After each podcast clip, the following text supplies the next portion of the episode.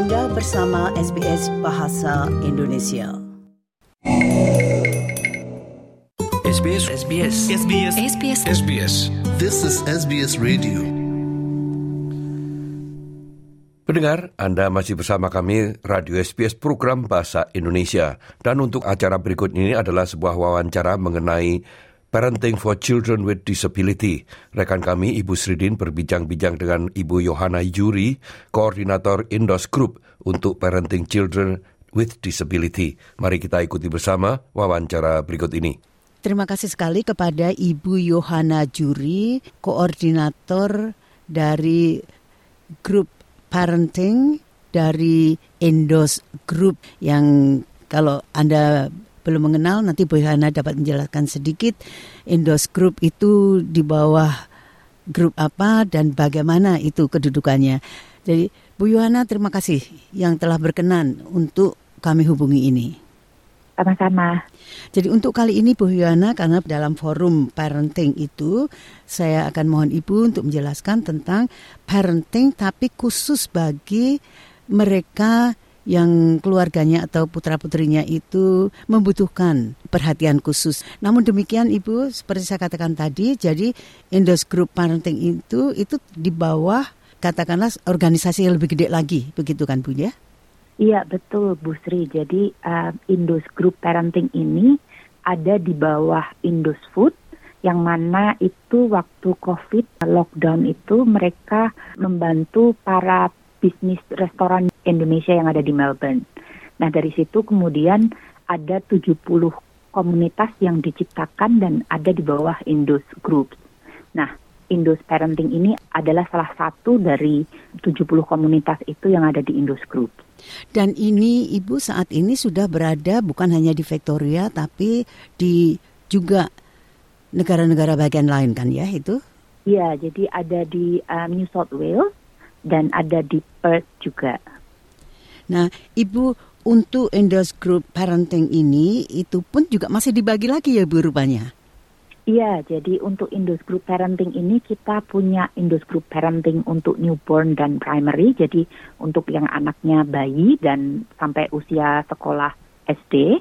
Dan ada Indus Group Parenting Secondary untuk yang anak usia SMP dan SMA. Ada Indus Group Adult untuk an orang tua yang anaknya sudah dewasa. Dan juga ada Indus Group for Children with Disability untuk uh, orang tua yang anaknya punya kebutuhan khusus.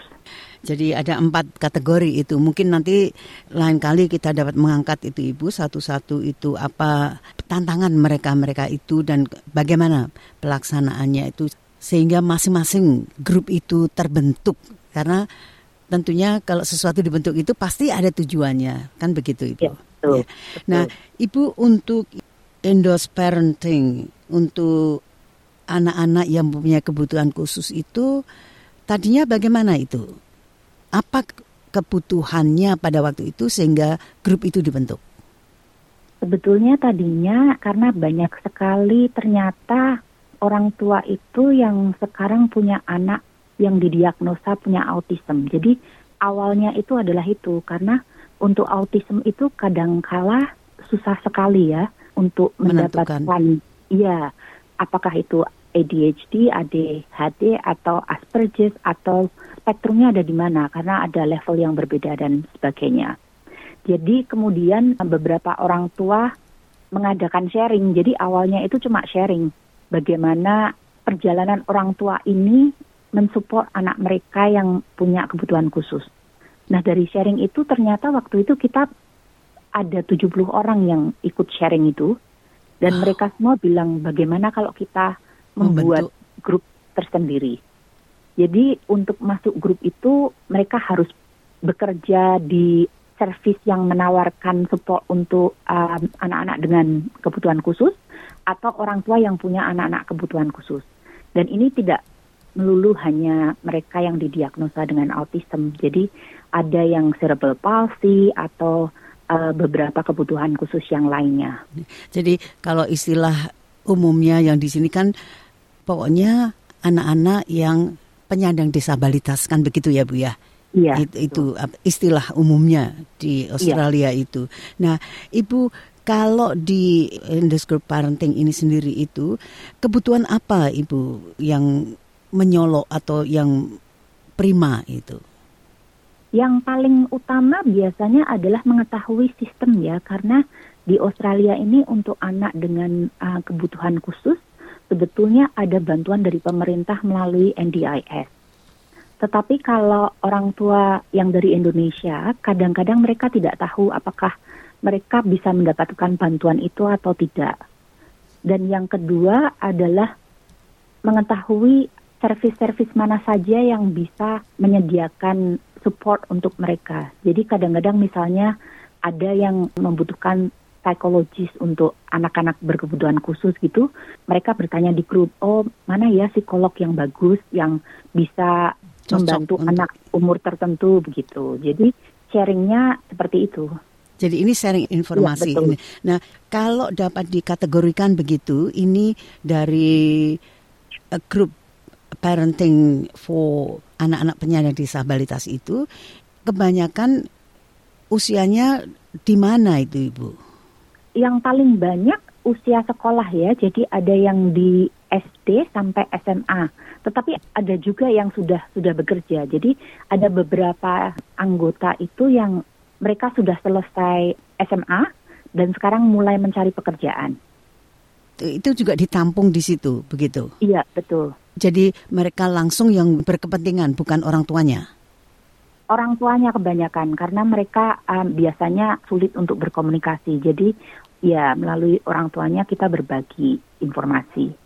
Jadi ini random ya Ibu ya, artinya umurnya itu bukan saja misalkan seperti tadi Ibu katakan ini oh SD itu tidak tapi ya ibaratnya dari SD sampai dengan dewasa begitu. Iya betul dari bayi sampai dewasa. Dari bayi sampai dengan dewasa itu. Ya. Nah ibu sejauh mana karena ini kan baru saja ya grup ini mhm. didirikan, mm -hmm. artinya masih di bawah lima tahun kan itu ibu? Iya betul, baru dua tahun ya untuk yang parenting with disability. Iya. Ya. Nah, itu sejauh mana atau apa yang yang sudah dicapai artinya yang betul-betul dirasakan oh sekarang dengan adanya grup ini hal-hal yang dulu dianggap sulit atau tidak tahu sama sekali sekarang sudah sudah lebih baik lagi misalnya.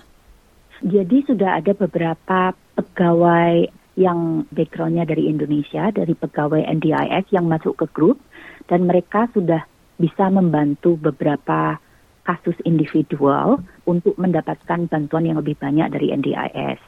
Kemudian berbagi informasi tentang misalnya kegiatan-kegiatan yang bisa diakses oleh anggota itu jadi lebih bagus.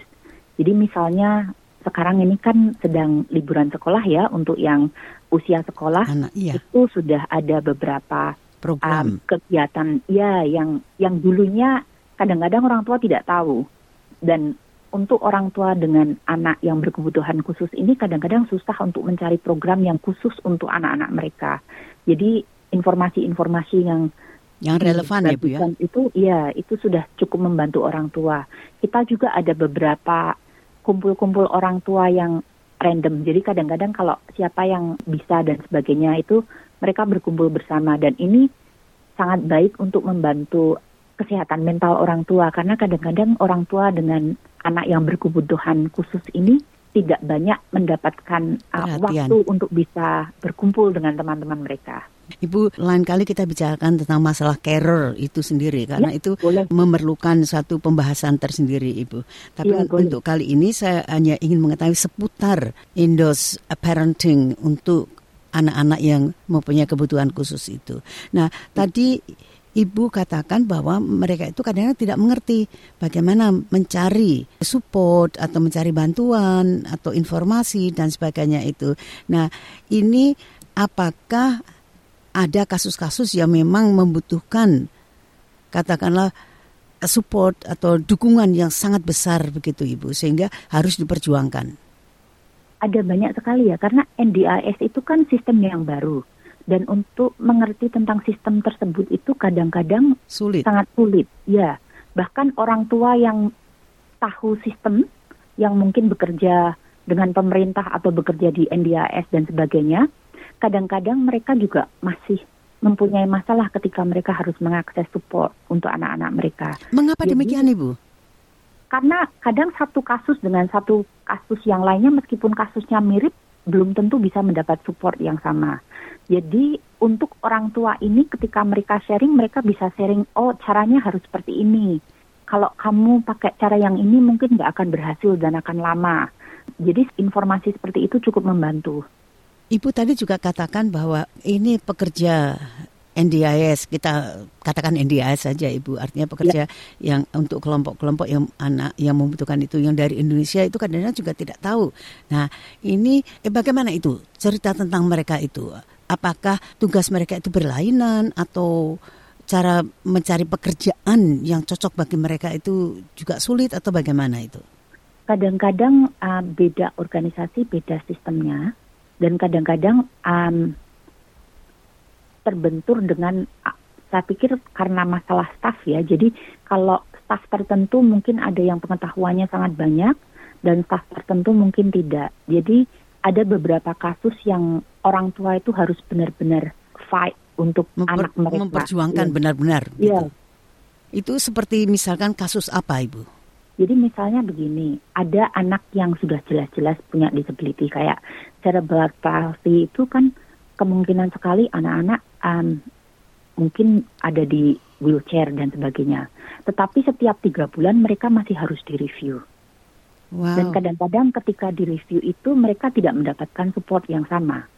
Jadi misalnya um, tiga bulan yang lalu mereka mendapatkan visio dan sebagainya, tapi bulan ini tergantung stafnya mereka mungkin nggak dapat. Nah dari pengalaman-pengalaman yang berbeda ini, ketika mereka sharing di uh, grup, mereka bisa mendapatkan informasi mana yang lebih baik, harus melalui sistem yang mana, harus reviewnya harus seperti Bagaimana, apa dan iya. sebagainya. Ya. Bu- Misalnya Iya. ada emergency fund ya, itu ada yang ternyata belum tahu kalau ada emergency fund karena mereka takut kalau mereka memakai emergency fund kalau nanti tiba-tiba Mereka memang membutuhkan. membutuhkan emergency tidak ada, tapi ternyata ada orang tua lain yang bilang pakai saja karena nanti setiap tahun itu akan roll out dan akan Diganti. bertambah. Iya, jadi bisa dipakai.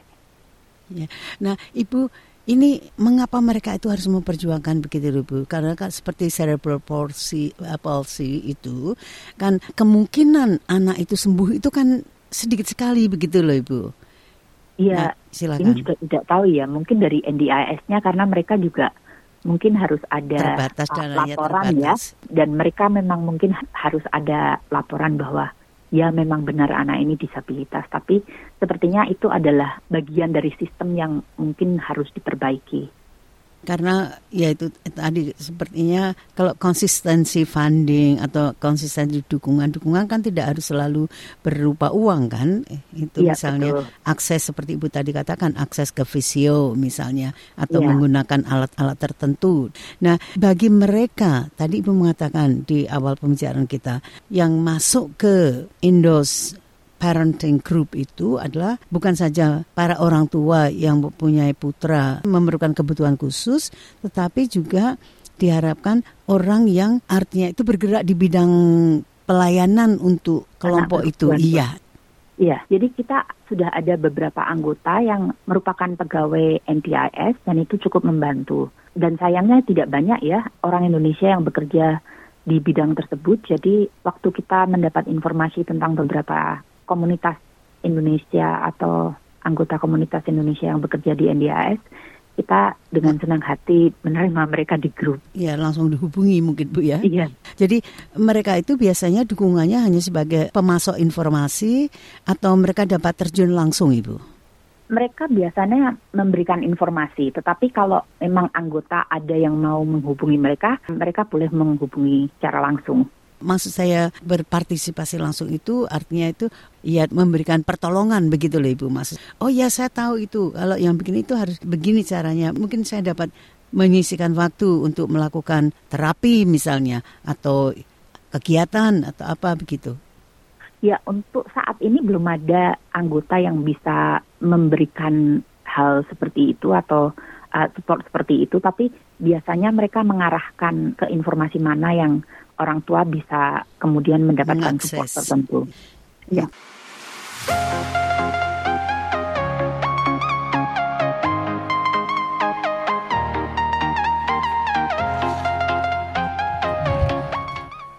Nah pendengar itulah tadi Ibu Sri bersama dengan Ibu Yohana Juri, koordinator dari Indos Group untuk orang tua yang memiliki anak-anak dengan disabilitas. Jika Anda ingin mendengarkan laporan tersebut sekali lagi, silahkan menyikmatnya di situs kami pada alamat www.sbs.com.au garis miring Indonesian.